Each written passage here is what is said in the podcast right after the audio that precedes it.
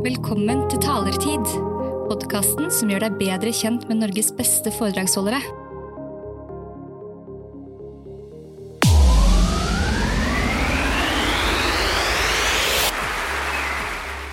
Wow. Tore Pedersen, du har vært sjefredaktør i VG, og du tok avisen fra å være en suksessrik papiravis til i dag være Norges største nettsted, og den avisen som folk flest går inn på først. Eh, elsker du endring? Ja, Den mynten der tror jeg har to sider for meg også. Jeg, jeg liker å lede endringsprosesser. Det liker jeg. Jeg liker å eh, inspirere andre til å nå felles mål, da. Altså, man kan jo skrive flere bibliotek om hva som er viktig i ledelse, men siden jeg har vært tabloidredaktør en stund, så mener jeg hvis du destillerer det helt ned, så er det aller viktigste å inspirere andre til å nå felles mål. Det liker jeg. Jeg liker nye utfordringer i mitt profesjonelle liv, og jeg liker å utforske nye ting. For eksempel så er jeg sikkert en av de få nordmenn i min sosioøkonomiske gruppe som ikke har hytte. De fleste av dere andre har jo både to og tre, ikke sant? fordi jeg ønsker å oppleve nye ting. Nettopp. Men på sånn på det individplan så vil jeg tro at jeg har nøyaktig samme hangups til uvaner og vaner som alle andre folk, og blir litt stressa av endringer og den type ting. Um, jeg prøver jo å interessere meg for litt sånn atferdspsykologi. Jeg har virkelig ikke greie på det, men uh, der har jeg prøvd å finne ut av hvor lang tid tar det å etablere en vane, da. Og gjennomsnittlig uh, viser forskningen så må du holde på i 66 dager før du eh, liksom får endra på noe. Og det er ganske lenge. Det er derfor de fleste av oss sliter litt med å endre på uvanene våre. Jeg var student i USA i 1994, og da husker jeg jeg sendte min første e-post. Mail til en venn i Finland. Det var jo helt revolusjon. Vi hadde drevet med brev, ikke sant, og kom e-post. Og, og like etterpå så kom jo internett, som først var en sånn amerikansk forsvarsgreie, men så kom jo det til alle. Kan du ta oss med tilbake litt sånn hvordan VG så ut på midten, slutten av 90-tallet, og hvilke eh, ting dere jobbet med for framtiden den gang? Ja, jeg husker jo VG, det var før jeg um, drev noe på internett, ble jo kåra til årets multimediebedrift eller noe sånt i 1995. Og en av hovedgrunnene til det da var at VG hadde lansert en CD-rom Det husker jeg faktisk. som het VG i tid og rom, som var fordi VG var 50 år den eh, gangen. Og så lanserte man jo, kom man jo på nett i oktober eh, 1995, VG. Men jeg tror vi skal være ærlige og si at uh, man så ikke for seg hvor dette ville gå da. Eh, et- Det var ikke engang i nærheten av å forstå hvor dette skulle gå da. Husker du hvor stor papiravisen var på det tidspunktet? Hvor mange lesere eller, eller øh, hvor mange trykket? Ja, jeg husker jo i hvert fall når den pika, og det var i 2002. Og da solgte den 390 510 eksemplarer om dagen Wow. Av papiravisen. av papiravisen Ja. på gater og streder i Norge. Ja. Det er, når du tenker på det i dag, så er det jo bare helt mind-blowing. ikke sant? 2002. Og eh, da dere så at uh, internett, Jeg antok at trafikken til VG.no vokste etter hvert som folk fikk bredbånd, de fikk eh, etter hvert kom smarttelefon. Hvordan, eh, hvordan, hvordan var liksom stemningen i redaksjonen rundt medarbeiderne, journalistene? Husker du det? Ja, altså jeg tror jo her gjorde jo VG noe jeg mener var noen veldig smarte grep. For når man begynte i 1995, så hadde man jo liksom forstått at her var det noe man måtte utforske, og det skjedde da i en liten avdeling internt, ikke sant? Og etter hvert som det man fant ut at dette måtte skaleres, så ble det separert i et eget selskap. Det mener jeg var helt vesentlig for VGs suksess fordi at da kunne man bygge en egen kultur hvor det eneste man skulle prøve å få til, var å lykkes digitalt. Hadde man gjort det internt i den etablerte organisasjonen, så er jeg nesten helt sikker på at eh, den etablerte kulturen ville vært for konservativ til at man kunne tatt den posisjonen man har tatt. Og dette er ikke noe VG-spesifikt, jeg tror det er sånn i alle organisasjoner. Vips ble skilt ut av DNB også. Jeg tror det er sånn i alle organisasjoner hvis man skal lykkes. Og så Ja. er det jo ulike tilnærminger til det, da, men på sånn fint så heter jo det for ambidextri, at du er like god med høyre hånd som med venstre hånd. Eh, Tohendighet, ikke sant? Fordi at det å drive det du lever av i dag, krever andre kompetanser enn å utvikle det du skal leve av i morgen. Å finne den balansen, det er det som er uh, the tricky game, da. Og etter hvert så vil jeg vel anta at den inter internettgutta, eller VG.no-gjengen, de ble vel flere, og øh, hva, hvordan var liksom stemningen internt når jeg vil anta at nettet fikk en stadig større prominens, en større betydning? Mm. Nei, det endte jo opp med at uh, når det ble skilt ut i, 20, i 2000, så ble det reintegrert i 2011. For da hadde akkurat som premisset for ditt spørsmål, det hadde jo blitt så stort da, at dette var i ferd med å bli den nye kjernen, ikke sant? Og poenget med det reintegreringen er at det nye må være sterkt nok til ikke å bli oppslukt av det etablerte. Derfor så tok det elleve år, ikke sant? Og den, den metodikken eh, replikerte vi, eller vi gjorde vi om igjen og om igjen i VG. Vi gjorde det samme med mobil. Da tok det mye kortere tid, for det vokste raskere, ikke sant? Man gjorde det samme med VGTV. Man gjorde det samme med mm, byråer som jobber med content marketing. Man har gjort det gang på gang. Man har på en måte klart å skape en, eh, en motor for å skape grunnlag for kontinuerlig innovasjon. Barnet måtte, måtte, måtte, vokse opp og bli sterk nok til å overleve i familien? Eh, nettopp. Et, ja, Tenårings, eh, tenåringen måtte bli hørt rundt bordet. Ja, ja, Mor og far måtte høre på tenåringen. Skjønner. Det er alltid lurt, forresten. Hvordan var det å være leder i en sånn organisasjon? Det er en stor organisasjon, og en, en, organisasjon som har alle, i hvert fall manges øyne rettet mot seg, en veldig pulserende virksomhet. Hvordan var det å være leder der? Altså Det gikk jo i ulike faser for mitt vedkommende. da, fordi at jeg Fra 1994 til 2000 så var jeg nyhetsredaktør i Papir-VG, som da var veldig, veldig stor, ikke sant?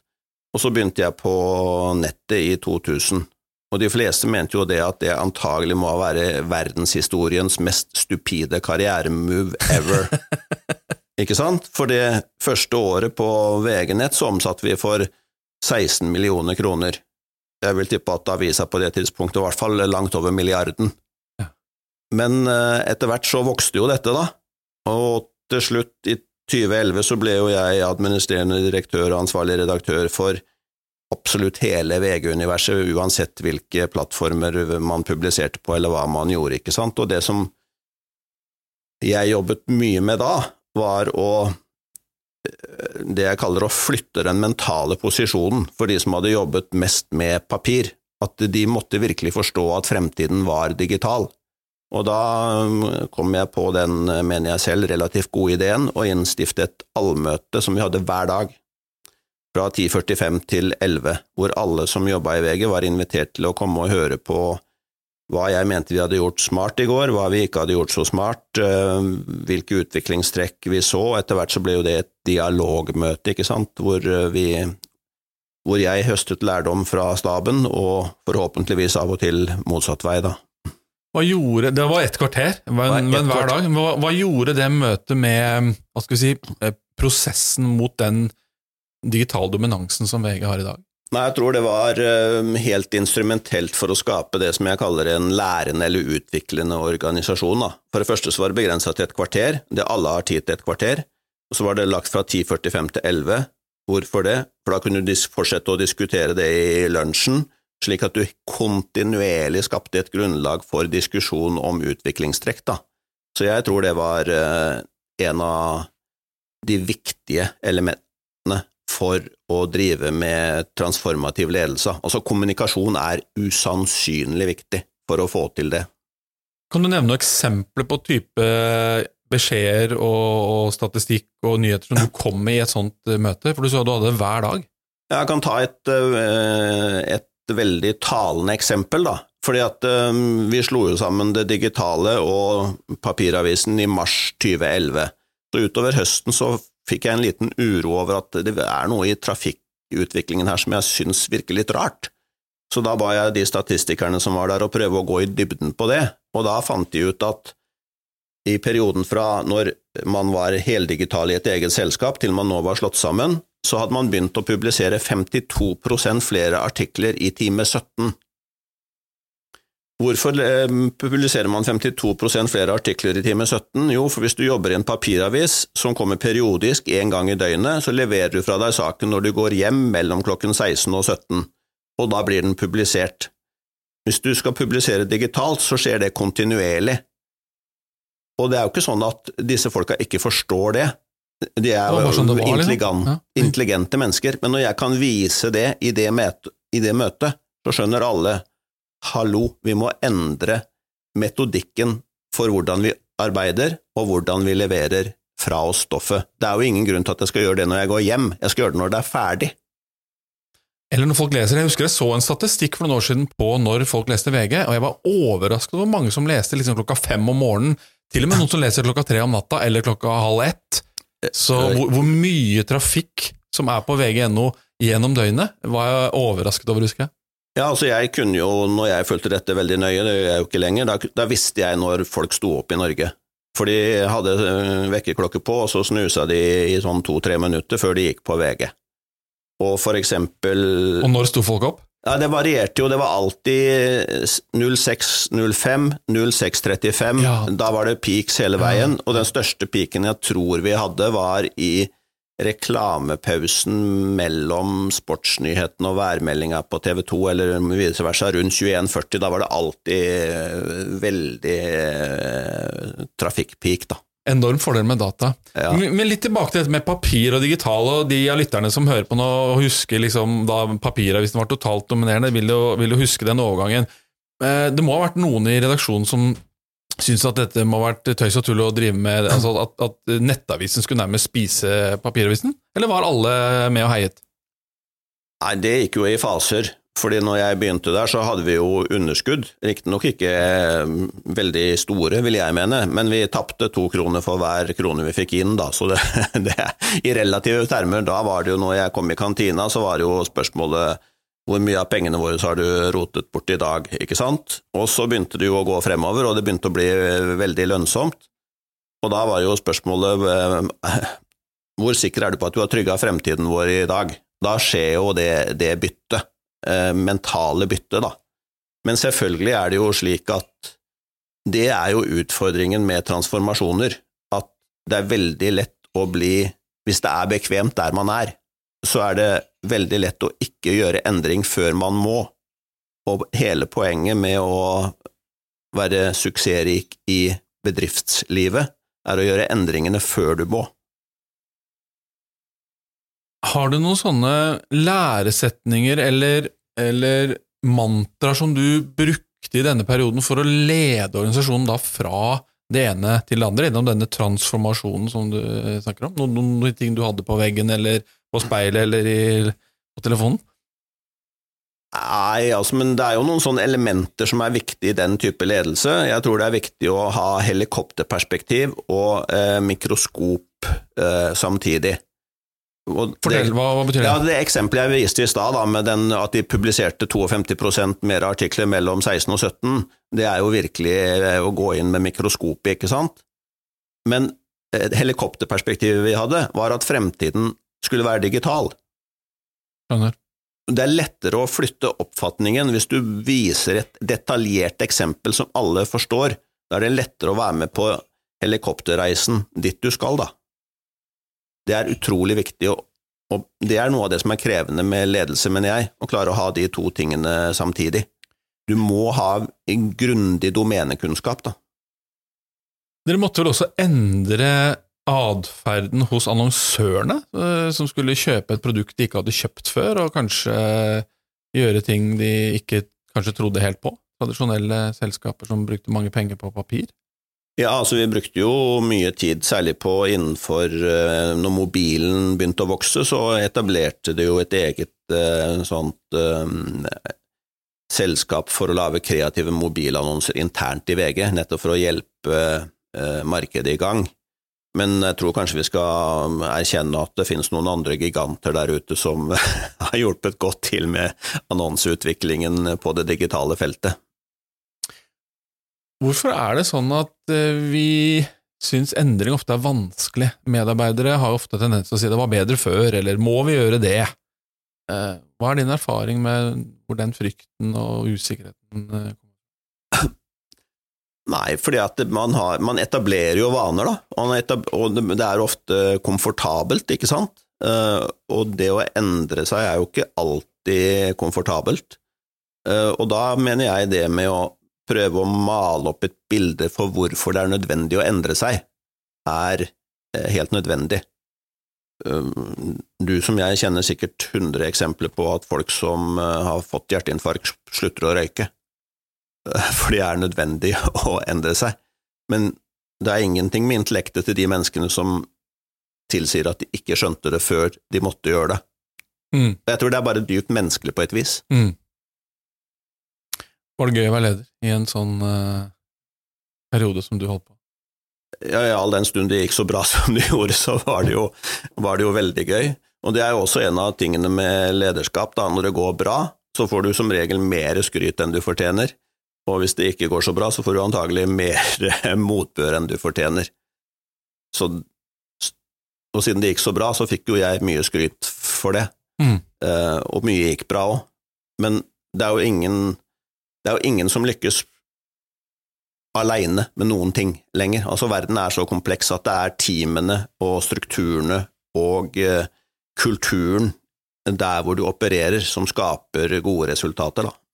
Apropos det, altså i den da endringsledelsesprosessen du var i, når det da Det var sikkert en dag eller to hvor det buttet litt for deg, og du kanskje ikke så så lyst på alt. Hva slags type mennesker eller miljøer oppsøkte du for å liksom få inspirasjon eller støtte for ditt lederskap, for å få liksom løft? Eller var det ikke helt alene du jobbet alltid? Nei, nei, men noe av det viktigste er jo å sette sammen folk rundt deg som er flinkere enn deg selv, da. Um, altså jeg mener jo at lederskap egentlig handler fundamentalt om fire ting du skal klare å skape. Du skal skape gode økonomiske resultater. Og hvis du driver med journalistikk, så skal du skape god journalistikk. Hvis du driver med formidling av talere, så skal du være veldig god til å gjøre det. Så skal du ha, um, klare å stake ut en strategi som gjør at selskapet er levedyktig på, uh, på lang sikt. Og så mener jeg det siste, du skal klare å bygge opp ledere rundt deg som kan overta etter deg og gjøre at det blir enda bedre. Mm. Og der mener jeg veldig mange ledere svikter. Tenk for eksempel på Manchester United. De har ikke vunnet noen verdens ting etter at Alex Ferguson slutta. Har han da vært en supergod leder? Det er et interessant spørsmål. Sannsynligvis ikke, for han har ikke bygget eh, ledere rundt seg. For, eh, Muligens, ja. ikke sant? Mm. Eller at han var så unik at det var bare han som klarte å skape resultatet med det, med det teamet. Men, men, det mener jeg er ganske vesentlig, da. Så det å plukke folk rundt seg og få motbør fra de, og skape en trygg kultur hvor alle tør å si det de mener, og som man diskuterer så fillene fyker før man trekker en konklusjon, det mener jeg er helt vesentlig for å lykkes. Når du ser rundt deg i samfunnet da, for nå er jo du ferdig i VG, mm. du, du, har en friere rolle. Når du ser rundt deg, da er det noen endringsprosjekter som du ser, som du studerer litt nysgjerrig sånn fra sidelinjen, og som du er spent på hvordan det utvikler seg? Ja, jeg prøver å bruke litt tid nå på å forstå eh, transformasjonen av det digitale. Jeg skal prøve å utlede hva jeg mener med det, fordi vi har nå i, siden 95 da snakka om digital transformasjon, ikke sant, for vi gikk fra en analog verden til en digital.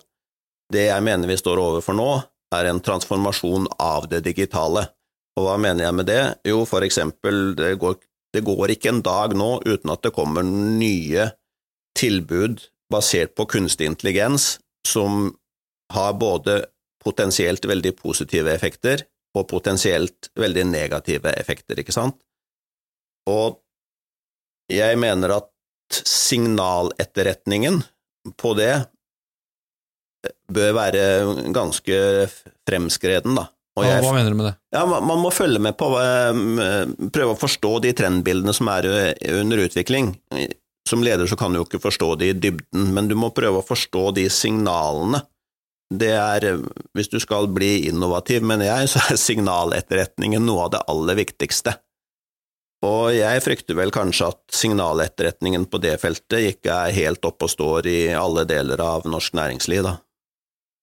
Kan det være at vi for eksempel stoler for mye på kunstig intelligens, jeg tenker på innenfor helse, innenfor juss, innenfor andre ting, slik at vi skaper en fremtid vi ikke ønsker? Er, kan det være en konsekvent? Ja, jeg vil jo helt åpenbart tro at det vil komme effekter av dette som er uønsket, men det vil også antagelig komme effekter som virkelig bringer oss fremover. Altså, hvis vi ser på internett til nå, så er det jo, er jo som en stor by, da.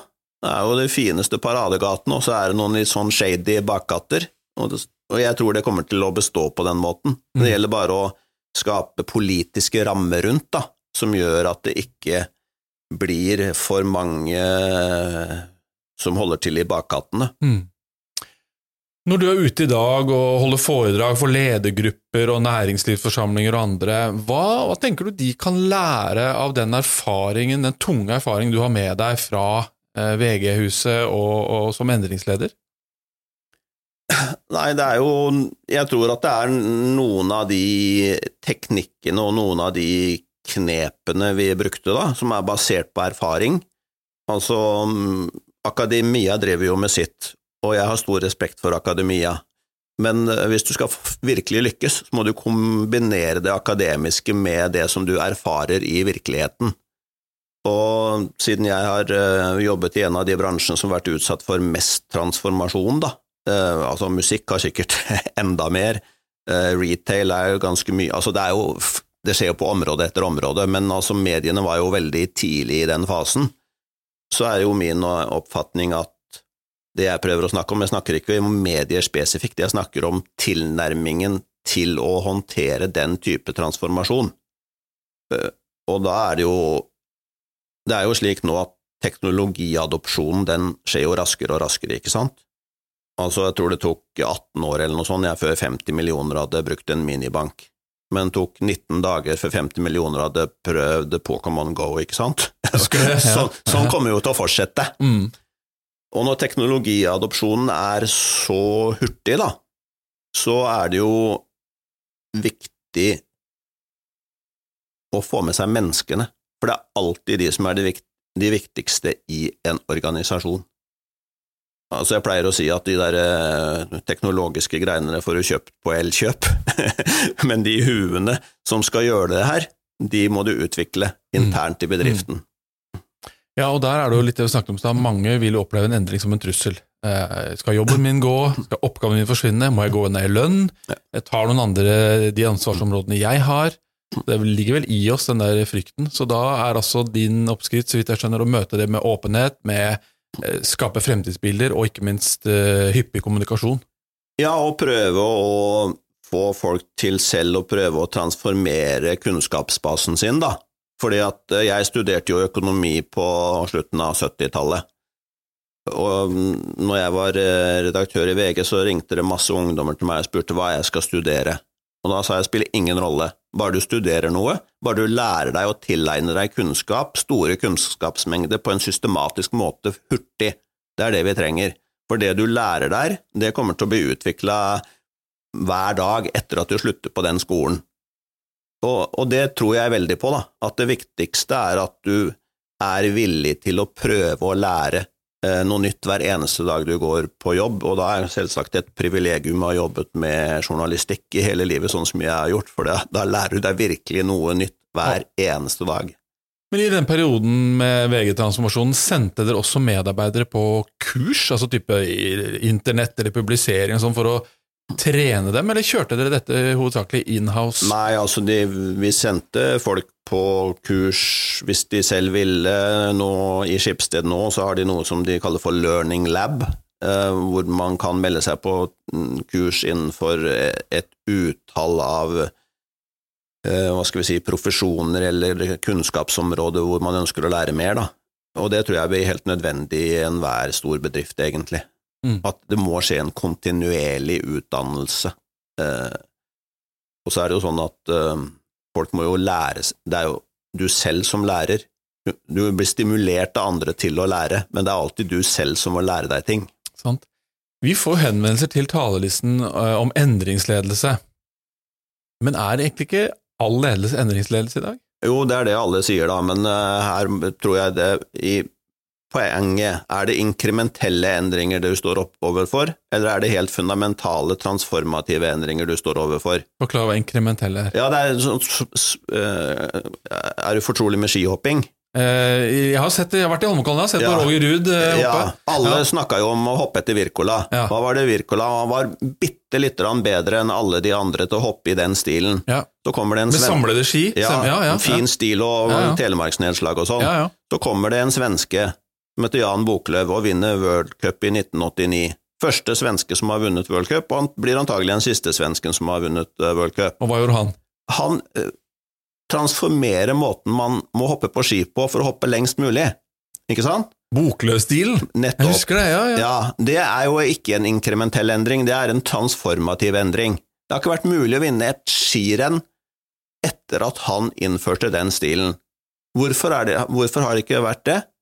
Jo, fordi at han reduserte friksjon. Hva er det alt handler om i dag? Er det, bedre, er det lettere å sende penger til eh, dattera di på VIPS enn å gå i banken og ta ut kontanter? Ja, det er det. Du har redusert friksjon. Ja. Er det lettere å bestille en taxi via en app enn å ringe til et sentralbord? Ja, Du har redusert friksjon. nettopp. Hopper du lenger hvis du reduserer friksjonen? Ja, jeg tror det. Men altså. Bokløv ble vel ikke applaudert første gang han gjorde det? I hvert fall Eh, ikke av nordmenn. Nei. Det er blant de tingene som fascinerer meg dypt. Det er at eh, Boklöv er én ting, men la oss ta Hvis det er ett område i verden hvor nordmenn er en stormakt, da, så er det langrenn. Hvem var det som revolusjonerte langrenn? Det var Bill Cock. Han var amerikaner. Han hadde sett en eller annen svenske gå på et sånt eh, is, uh, ismaratonskirenn eller noen greier i Finland eller Sverige, og det var, og han, han gikk jo mye fortere enn Bill Cock. Så han begynte jo å eksperimentere med det. Og alle vet jo at hvis du skal komme fortest mulig fra A til B, så må du skøyte på ski. Men siden Norge er en stormakt, så holder vi oss ved klassisk i langrenn. I idrett for øvrig så handler det om å komme fortest mulig fra A til B, men i langrenn så handler det også om hvilken måte du kommer deg på fra A til B. Det er litt fascinerende. Det er veldig interessant, fordi man visste hvordan man skulle skøyte før, og man bare gjorde det ikke langrennssporet. Nettopp. Men man kunne jo skøyte. Man gjorde det jo hvis man skulle skøyte på Jeg var barn og hadde slalåm, så jeg skøyta jo bortover parkeringsplassen når jeg ble henta, ikke sant? Nettopp. Men i langsporet, nei. Er ikke det fascinerende? Veldig. Og hva var det da som gjorde at skøyting ble adoptert i langrennssporet? For det reduserte friksjon. Men det tok litt tid, det òg. Det tar alltid litt eh, Alt sånt tar eh, lang tid. Eh, Når, eh, fordi at dette er jo nå er vi inne i kjernen i kapitalismen, da, og det er at etablerte system det blir alltid destruert av noe som er mer effektivt. Ja. Det har skjedd siden tidenes morgen, ikke sant? Hest, hest og bil og Alt det ja, der. Mm. Men der hvor det skjer aller fortest, det er i toppidrett. For det er så marginalt. Det er så marginalt mellom én og to. Og hvis den eneren innfører noe, så må toeren eh, kopiere det og utvikle det videre for å bli nummer én. Mens i det vanlige næringslivet så er det mye lengre prosesser før det slår inn på den måten, ikke sant? Men de blir jo kortere og kortere. Men når nummer én, eller når utfordreren begynner med noe, ta Skandiabanken i norsk bankbransje, da, hvor Mm. altså eh, for lyttere som er yngre, Skandiabanken kom inn med internettbank på Mm. 90-tallet en gang, og var, det var noe nytt og spennende, og det var lettbent og alt mulig. Mm. Og DNB og Nordea og de andre satt og så litt sånn, skulte litt ned på dem, og så fikk de enormt mange kunder, og så kom de andre etter. Mm. Så, så det skjer jo der òg. Ja, ja, det skjer jo hele tiden. Mm. Ja, også hvis det kommer noe som åpenbart er mer effektivt, i den forstand at det reduserer friksjon, så blir det jo eh, adoptert. Det tar bare litt lengre tid, fordi at eh, jeg vil fortsatt si at det er elementer i norsk bankvirksomhet som kunne vært mer effektive. Mm, For meg som kunde, da. absolutt. Å lede da gjennom endring, hvis du skal liksom oppsummere hva, noen viktige sånne takeaways på hva kan man gjøre for å få en organisasjon fra, ja, fra gammelt til nytt, fra gjennom endring, kan du gi oss noen sånne oppsummerende punkter? Ja, altså det, det er, du må flytte de mentale posisjonene, det er det mye jeg har snakket om, ikke sant? Den måten du gjorde ting på før, den kan du ikke Du må antagelig gjøre det litt bedre i morgen, Eh, og da gjelder det å vise fram og snakke om det kontinuerlig. Så tror jeg dette har jeg ikke forskning på, men dette er anekdotisk. Jeg mener at selskaper som har en tydelig visjon, skaper bedre resultater. Uh, og jeg, jeg, kan gjerne si min favorittvisjon, det er uh, fotoavdelingen i Apple, som har som visjon 'flere tar bedre bilder oftere'. Fantastisk. Det er helt genialt formulert. For flere, det har aldri blitt tatt flere bilder enn nå. Nei. Og de forbedrer det kameraet for hver iterasjon av den telefonen, så de blir bedre og bedre. Og vi tar de oftere og oftere, for vi alltid har den med oss. Og da er det du skal gjøre.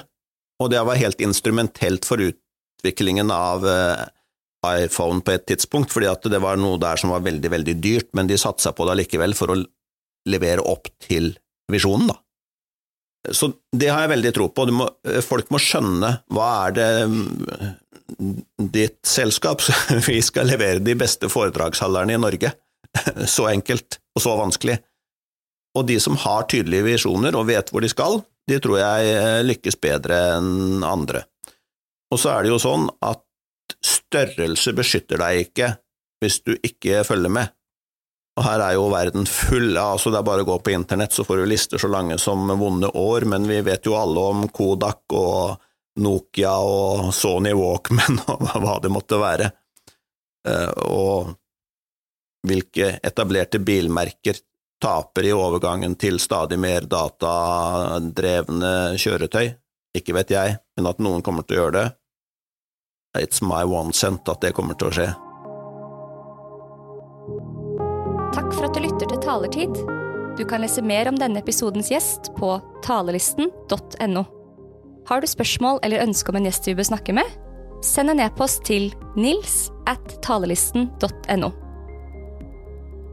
Talertid bak scenen med Norges beste foredragsholdere.